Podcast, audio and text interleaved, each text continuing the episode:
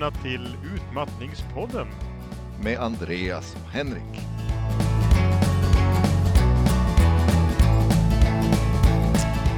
Eh, hej Henrik! Välkommen tillbaka till Utmattningspodden, säger jag som heter Andreas Arne. Hej Andreas Arne! Jag heter Henrik Dahlberg Redman och är väldigt glad att vara tillbaka till den här podden. Är det sista Ja. avsnittet nu? Ja, det är ju eh, sorgesamt och spännande samtidigt får man säga. Mm. Eh, Ja, det är mycket sorgsamt. Det är ju det tredje av de så kallade bonusavsnitten eh, Mm. och det kommer att bli det sista. Mm. Eh, eftersom vi hade ju planer på att göra mer än så här och, Mm. och fortsätta det här. Men jag är för sjuk och för dålig och kan inte hålla på med det. Mm. Så tyvärr har vi fått bryta tidigare än vi hade tänkt. Men vi ska göra ett så trevligt avsnitt vi kan i alla fall. Det sista. Ja, man hoppas det. Och ni som sitter där ute och är väldigt oroliga för att eh, utmattningssyndrom kan göra så att man är så här sjuk fem år efter så är det ju i ditt fall mycket komplikationer, andra saker, det här med sköldkörteln och sådär. Mm. Så de flesta Ja. har ju mycket bättre prognos än dig som drabbas av nya bakslag som, som sällan är riktigt utmattningsrelaterade. För du har ju slaviskt följt alla de goda råd som vi har gett till den här poddserien, Ja. eller hur? Naturligtvis ofelbart. Ja. Ställt ett äpple på psykologens skrivbord när du kommer in varje dag med en honnör. Ja. Jag vill säga till min fru senast för en vecka sedan sa du borde lyssna på avsnitt 12. och lyssna på vad du själv har sagt. Så det är Sa din- svårt Din såklart. fru sa det till dig, att du borde lyssna Ja. på avsnitt 12. Eh, istället för att upprepa för mina egna ord för mig själv. Eh, så så det är jättesvårt naturligtvis att, att, att leva som man lär. Mm. Mm. Vad ska vi prata om idag då? Som Ja, det är en bra fråga. Det, om, om, man, om man är terapeut då känns det ju ofta som att man har mycket klokt att säga och så är man samtidigt väl medveten om att det är svårt att, att förmedla och verkligen få saker att fästa som man vet. Man har träffat många personer som mår på, på olika sätt som, som liknar den som sitter framför en. När man, när man vill hjälpa alltså. Och om man verkligen kunde föra över tankar rakt av från sin egen hjärna till deras så skulle ju mycket vara vunnet. Men utrymmet är ganska lite för vad man kan förmedla per kommunikationsenhet liksom. För varje Ja, grej man säger är det väldigt lite som faktiskt får fäste. Så i det här avsnittet borde vi väl ändå försöka, ja, att du får säga någonting som, som du vill att, att folk ska ta med dig av, av det den här podden har handlat om Mm. och att jag gör samma sak. just det. Vad tar Henrik med sig från poddserien? Liksom? Mm. Jag kan börja då. Eh, Ja. tack. Och jag tänker väl mycket på det här med att jag har drivit tesen eh, det kanske låter tjatigt för somliga av er, men det är kontroversiellt just det här med liksom att, att, att agera som en hjärnskada. Utmattning Mm. fungerar som en hjärnskada. Det där skulle ju vara belagt om man kunde visa vart den sitter och hur, hur den artar sig och sånt där. Men så bra är inte hjärnforskningen. Nej. Och Det är också viktigt just för hur man ska hantera det här att utmattning lika mycket existerar i, i Sverige idag. En del påstår till och med att det är en väldigt eh, lokal diagnos, att bara Sverige har utmattningssyndrom som diagnos. Och det är klart, det är ju så att, att bara Sverige har den här diagnosen som jag sa ibland, det första avsnittet kanske. Samtidigt som det, det är ett väldigt verkligt tillstånd som inte blir helt återställt liksom. Precis som alla Mm. ordentliga förslitningar på andra ställen i Mm. kroppen. Nej, det sa vi ju i det här utmattningens historieavsnittet också att eh, han som i USA någon gång 1850 beskrev det här för sina kollegor Mm. sa ju också att ni känner ju mycket väl till det här. Jag försöker bara Mm. sätta ord på eh, någonting som ni ser hos era patienter. Så det har ju inte varit nytt då heller. Folk har ju mått dåligt oavsett vad man väljer att kalla det. Mm. Liksom. Och även om Och- vi i Sverige råkar ha en egen diagnos så förtar ju inte det att folk mår dåligt på andra platser också. En sak vi har fått lite positiv feedback på eh, lite här och där efter att vi har, den här podden har börjat göras och sändas alltså. Eh, plus något som alltså som är samma sak som någonting jag hört väldigt mycket när jag har träffat drabbade i olika stadier av hjälpandet har ju varit det här att man känner sig så oförstådd och att man förväntas bli frisk på ett sätt som man inte alltid blir så snabbt. Mm. Och det blir ett sökande efter andra diagnoser, efter samsjuklighet som vi pratade om i det avsnittet. Precis som det är för dig nu då, som, som är heltidssjukskriven igen. Man ska ja. liksom hitta saker, det ska finnas en karta för det här. Och när det inte finns en karta så säger ju vården oftast Ja men proverna var negativa. Extra aktuellt i dessa tider med det uttrycket. Men det betyder ju bara att eh, vi vet liksom inte hur man ska behandla det här eller vad det är. Och även om vi vet vad det är kan vi kanske inte behandla det. Nej, och det är eh, om jag ska säga lite från min sida här. Eh, så jag, när jag funderade på liksom, vad vill jag ta med mig från den här serien.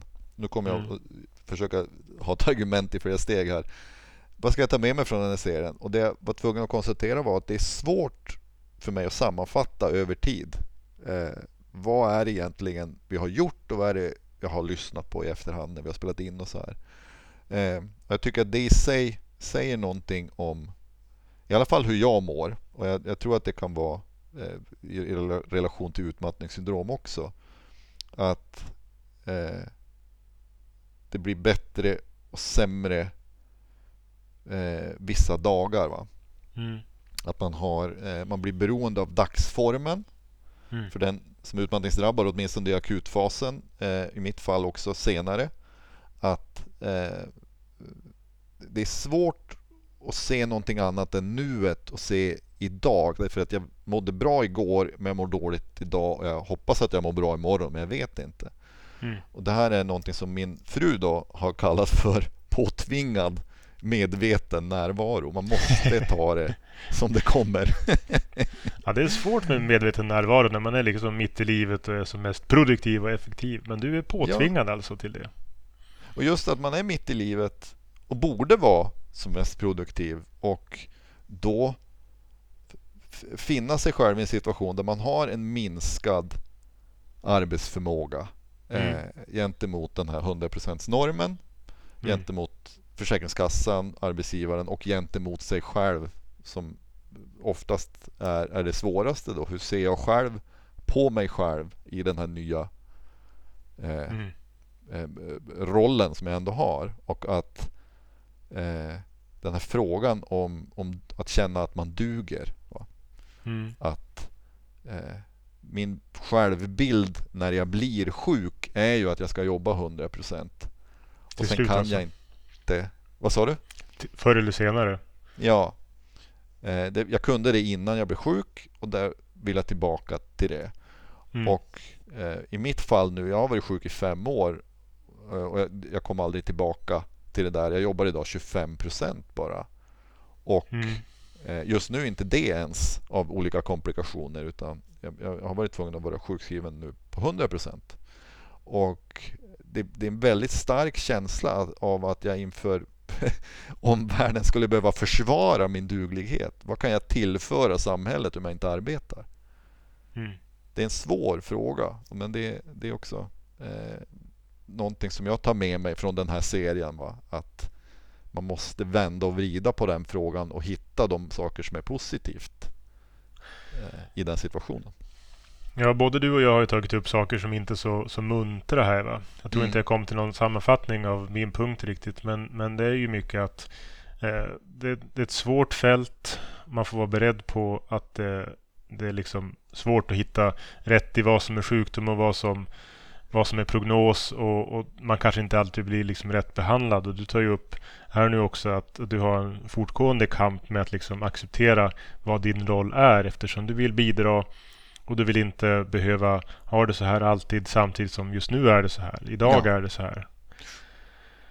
Det, det, är ju inte ett jättemuntert sätt att sluta det här på heller. Men det här är ju ingen inspirationsföreläsning trots allt. Där man säger att varje trauma ska bara bli till en liksom snygg historia som man sedan gör till en del av sitt CV på något vis. Utan mm vetenskapen inom psykologin är ganska tydlig med det där att när det gäller trauman och motgångar och sånt där. Man kan säga att det som inte dödar härdar. Men ju färre motgångar och trauman desto bättre blir det på alla sätt med både lycka och karriär och framgång och pengatjänande och sånt där. Det är liksom bättre mm. att, att slippa ha det så här. Men är det så så ska man ju försöka se, se saker som det är i alla fall. Och här har vi, har vi ju, jag sammanfattar min del i det här i alla fall, försökt belysa att utmattningssyndrom, utbrändhet och allt det här kommer att behöva utforskas mera av vetenskapen och tills dess så gäller det ju som drabbad att försöka ha det så bra som möjligt under tiden. Se saker för vad de är och inte bli, bli desperat bara för att det, det är svårt att hitta rätt i det här. Mm. Nej, och att det, just den här... Eh, man måste låta det vara. Som vi återkommer till hela tiden mm. också. Att det, det behöver inte vara så här för alltid men det kanske behöver vara det idag. Mm. Eh, just den typen av acceptansarbete är någonting som man måste mm. påminnas om hela tiden. Jag tror att det blir ju bättre. Va? Mm. Med rätt verktyg så kan livet bli bättre även om tillståndet skulle bestå. Mm, precis. Ja, det är många aspekter. Det är därför vi har gjort alla de här olika avsnitten för att, att belysa dem. När man börjar på ett gigantiskt projekt. Jag tänker ibland, jag har jobbat med att bygga hus. Liksom. Det är väldigt många steg i det där. Mm. Väldigt mycket logistik med att lista ut allt från grundläggning till avvattning av marken till väggar och förflyttning av material och liksom spika tak och byggnadsställningar och, och sånt där. Men när man har gjort några stycken så börjar man kunna tycka att, att, det är lätt och det är ju inte det. Det är liksom hundra dagar av, av, eh, av pill minst mm. och, och, stora samordningsgrejer. Men, men det är ju det fantastiska med vad vi människor åstadkommer. Att man bryter ner allting till hanterliga bitar. Visst, och att Eh, för att fortsätta jämförelsen, alla hus är olika. Ja, det är sant. Liknelser är ju inte alltid perfekta och det är klart det här med utmattning det är ju inte alltid att, att skapa någonting fantastiskt att hantera en sjukdom. Men å andra sidan så eh, handlar det ändå om att skapa någonting nytt. Att bygga upp någonting nytt ur ruinerna, ett, ett nytt jag. Och det, det är ju precis det du beskrev för din mm. nuvarande kamp. Ja, visst. Eh, och eh, just att inte... Eh, det är inget, det är, som vi sa, vi, det, inte, det låter inte särskilt positivt här tidigare när vi samma, försökte sammanfatta saker. Men eh, det är att inte komma tillbaka precis som det var innan. Mm. är ju naturligtvis inte, det är ingen positiv grej, det är inget roligt att höra det. Men att kunna eh, skapa en ny positiv roll för sig själv utifrån de förutsättningar som man sen får. Mm. Eh, det i sig kan vara en väldigt positiv upplevelse. Eh, mm. Även om det är väldigt annorlunda och det inte alls var det du hade tänkt dig. Eh, och det inte behöver vara lattjo varje dag så kan det fortfarande vara någonting väldigt positivt i att kunna leva i de här nya förutsättningarna. Ja, verkligen. Nej, jag tycker ofta att det, det mest fascinerande eh, är det här med ja, men det du kommer in på apropå vad är människovärdet? Vad, vad är ens syfte? Vad, vad är ens plats i samhället när man inte kan vara effektiv och bidra och, och produktiv mm. och sånt där? För det är ju viktigt att komma ihåg, tycker jag, att eh, den svenska kulturen, eller i större utsträckning den västerländska kanske, det är inte den enda kulturen. Det är inte nödvändigtvis så att man överallt ska vara så, så produktiv. Och även i våran kultur så är det ju ganska olika hur det ser ut i olika åldrar. Som barn är det helt tillåtet att inte jobba så mycket. Jag tänker mig att eh, min farfars och morfars generation som växte upp i, i små byar i Västerbotten utan väg och el. Där var det mycket större fokus på produktion och duktighet för dem. Ja. Det har de berättat om.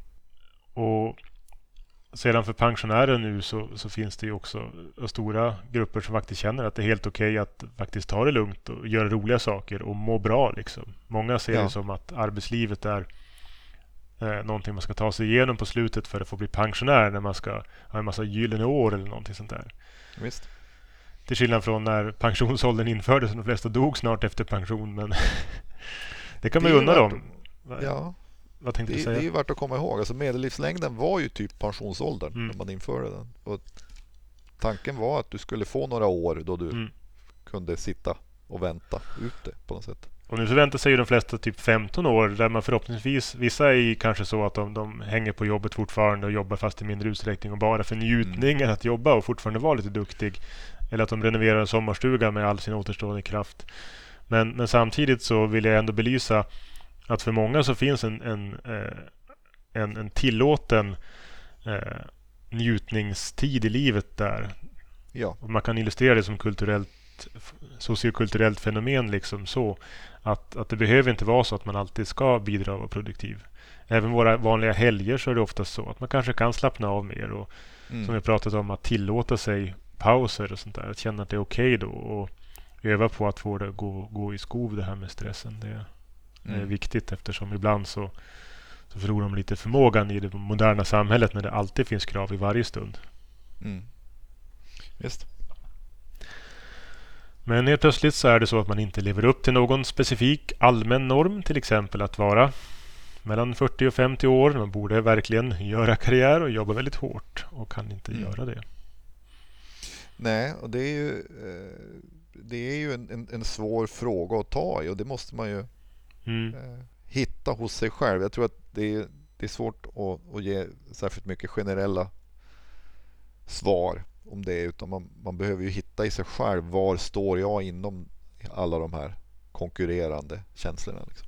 Ja, verkligen. Vad blir liksom balansen mellan att eh, tänka att det är klart jag ska tillfriskna och kunna göra lite grann och hur mycket blir det? Eller att jag ska Mm. göra mera och bättre saker på den lilla tid jag har. Eller om att å andra sidan verkligen bara leva i stunden som en, som en hund på en ännu solvarm sten. Sådär. Ja. ja, Medveten närvaro. absolut.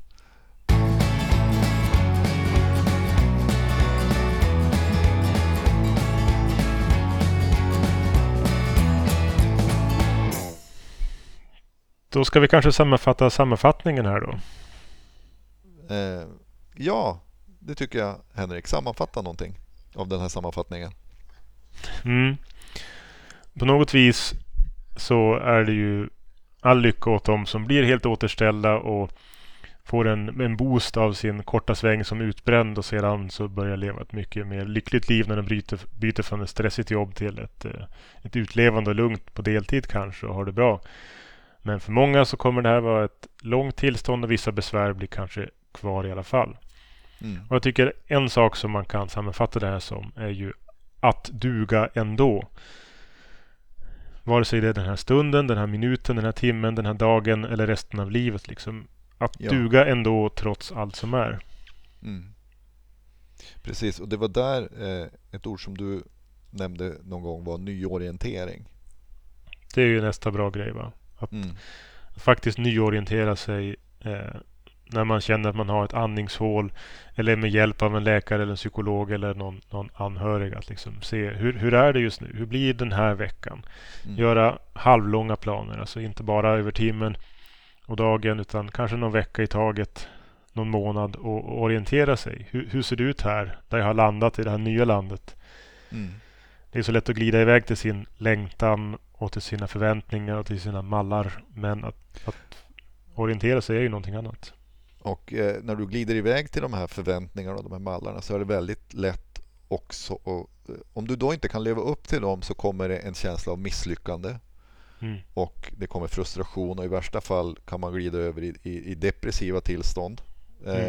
eh, och eh, Det är viktigt att komma ihåg att eh, det här som vi pratar nu om att duga ändå, att nyorientera, det gör man också för de man lever med, de anhöriga och sina vänner. Att eh, det blir mycket, mycket lättare att få hjälp utifrån om man själv kan acceptera att det har skett en förändring. Mm. Om man inte, som har hänt mig flera gånger, liksom glider ner i, i någon form av tycka synd om Mm. och, och, träsk och eh, då mår man inte bra själv och det märks utåt och de som är runt om det kommer att plocka upp det också och det kommer att bli mycket svårare allting. Det här är ju svårt att undvika helt och hållet såklart om man nu mår Ja, dåligt. det är, det är ju bra. Alltså, ofta som psykolog vill man ju få folk att kunna tycka synd om sig själv. Det finns en väldigt stark Mm. aktuell rörelse inom terapivärlden som kallas självmedkänsla. För att vuxna har ofta övat bort det där, att söka tröst som, som, som Ja. barn gör. Men när ett barn söker tröst så är det ju en förälders famn som förhoppningsvis eh, föräldern ur, från vilken föräldern sköter liksom att det fortsätter. Att man går till skolan och fortsätter utvecklas och sånt där.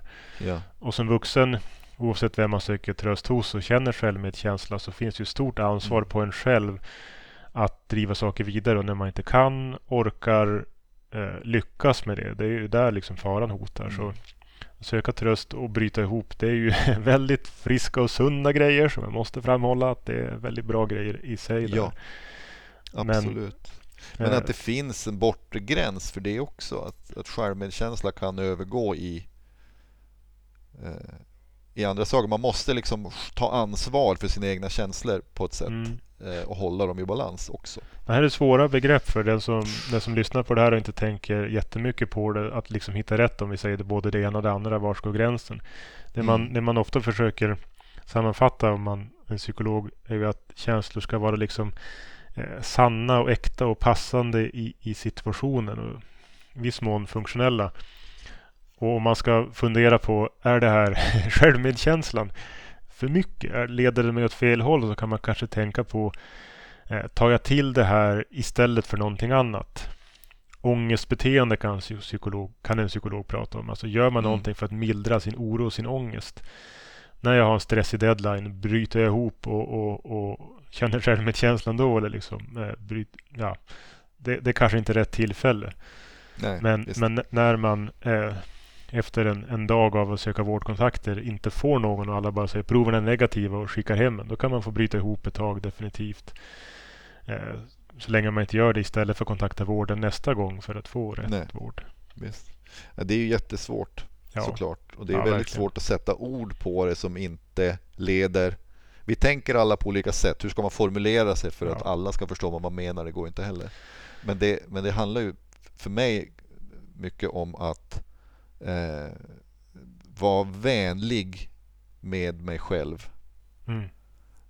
Men fortfarande ta ansvar över det som faktiskt behöver göras. Men jag tror att just det där att tillåta sig själv och vara snäll med en själv Mm. är väl den självmedkänslan som du pratar om där. Det är en bra sammanfattning. Jo, visst. Det är, eh, det är inte lätta saker det här att må dåligt och balanserat vara, vara vuxen med exakt tillräckligt fast hand i det här. Att både kunna Nej. vara svag och, och ta sig vidare. Så det bästa är ju om man har någon som hjälper en att dra, som bär en Mm. genom det jobbigaste och låter en själv ta ansvar när man kan. En fantastisk fru som din Jessica eller Ja. vården, någon psykolog eller läkare som, som förstår en och hjälper en genom allt. Jag Det ju- hoppas ju att alla skulle kunna hitta någon som hjälper dem. Mm. Det är svårt att vara ensam.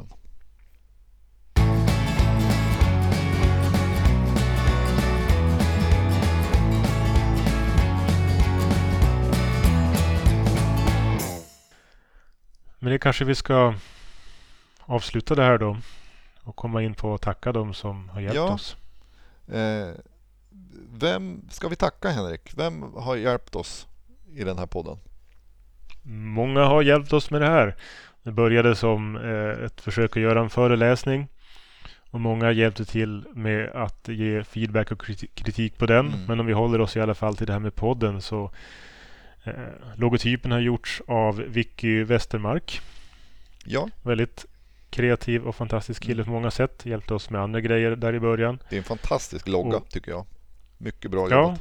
den är genial. Han kom på den helt själv. Mm. Vi bara liksom gav vaga idéer. Liksom. Men det där var snyggt. Och hemsidan, grunden av den har gjorts av Oskar Sedholm. Han har också hjälpt oss med lite klippning, särskilt i början på det här eh, episka burkigheten, andra termer som han myntade för Mm. att eh, förklara hur svårt det var där. Ett, ett storverk. Senare Aron Sjöberg Mm. Eh, hjälpte också till med klippningen. Ja, och på de här eh, sista avsnitten här, eh, de tre sista här, när jag har varit, varit sjukare och mått dåligt så har Thomas Lundqvist hjälpt oss med att klippa eh, dem. Så tack till Thomas för det. Mm. Vi ska säga här också tror jag att det har varit ett väldigt långt projekt det här. Som du sa så började det som en idé om en föreläsning. Eh, Mm. Någon... Det var våren 2018 det vi höll på Nej, det var det inte. Det var våren... Eh, eh, det var vintern, det var lite tidigare. Jag tror att första mejlen... Alltså vi började ja, men, men sista gången, alltså slutet på föreläsningsprojektet var, var juni 18. Ja, precis. Men det var hela våren där som, som vi trodde att det skulle bli Mm. en föreläsning. Sen övergick det i podd. Eh, Mm. Som jag minns det eftersom eh, hustru Jessica här började prata om att vi borde ju skriva någonting för att Mm. kunna föreläsa, att någon skulle veta vilka vi var och så. Mm. Eh, det, jag minns ju inte exakt hur det, hur det här kom sig men, men eh, för mig var det där det började i alla fall och sen övergick det i podd. Mm. Eh, och det eh, har ju varit ett, ett väldigt givande projekt för mig. Ska jag säga. Jag har ju varit tvungen att tänka på hur jag mår och har lärt mig mycket om mig själv. Mm. Men det har tagit från 2018 till, eh, vad är det nu? November 2020. Precis. Och det mesta av det är ju, är ju inspelat innan vi började sända och började lägga upp. Jo, visst. Och många som har hjälpt oss på, på mindre direkta sätt. Så vi får tacka, ja, inte minst även ni lyssnare. För det vart ju några extra avsnitt här på grund av, eh, och även det här med gästavsnittet med, med Rebecka. Som erbjöd sig så snällt och eh, frågorna som kom och feedbacken vi har fått. Ja. Tack alla som har hört av sig. Tack alla för allt. Nu kommer det historiskt sista PPQ-avsnittet. Det är som vi alla har väntat på. Man lyssnar sig pliktskyldigt igenom de här långa, långa poddavsnitten bara för att komma till PPQ. Jajamän.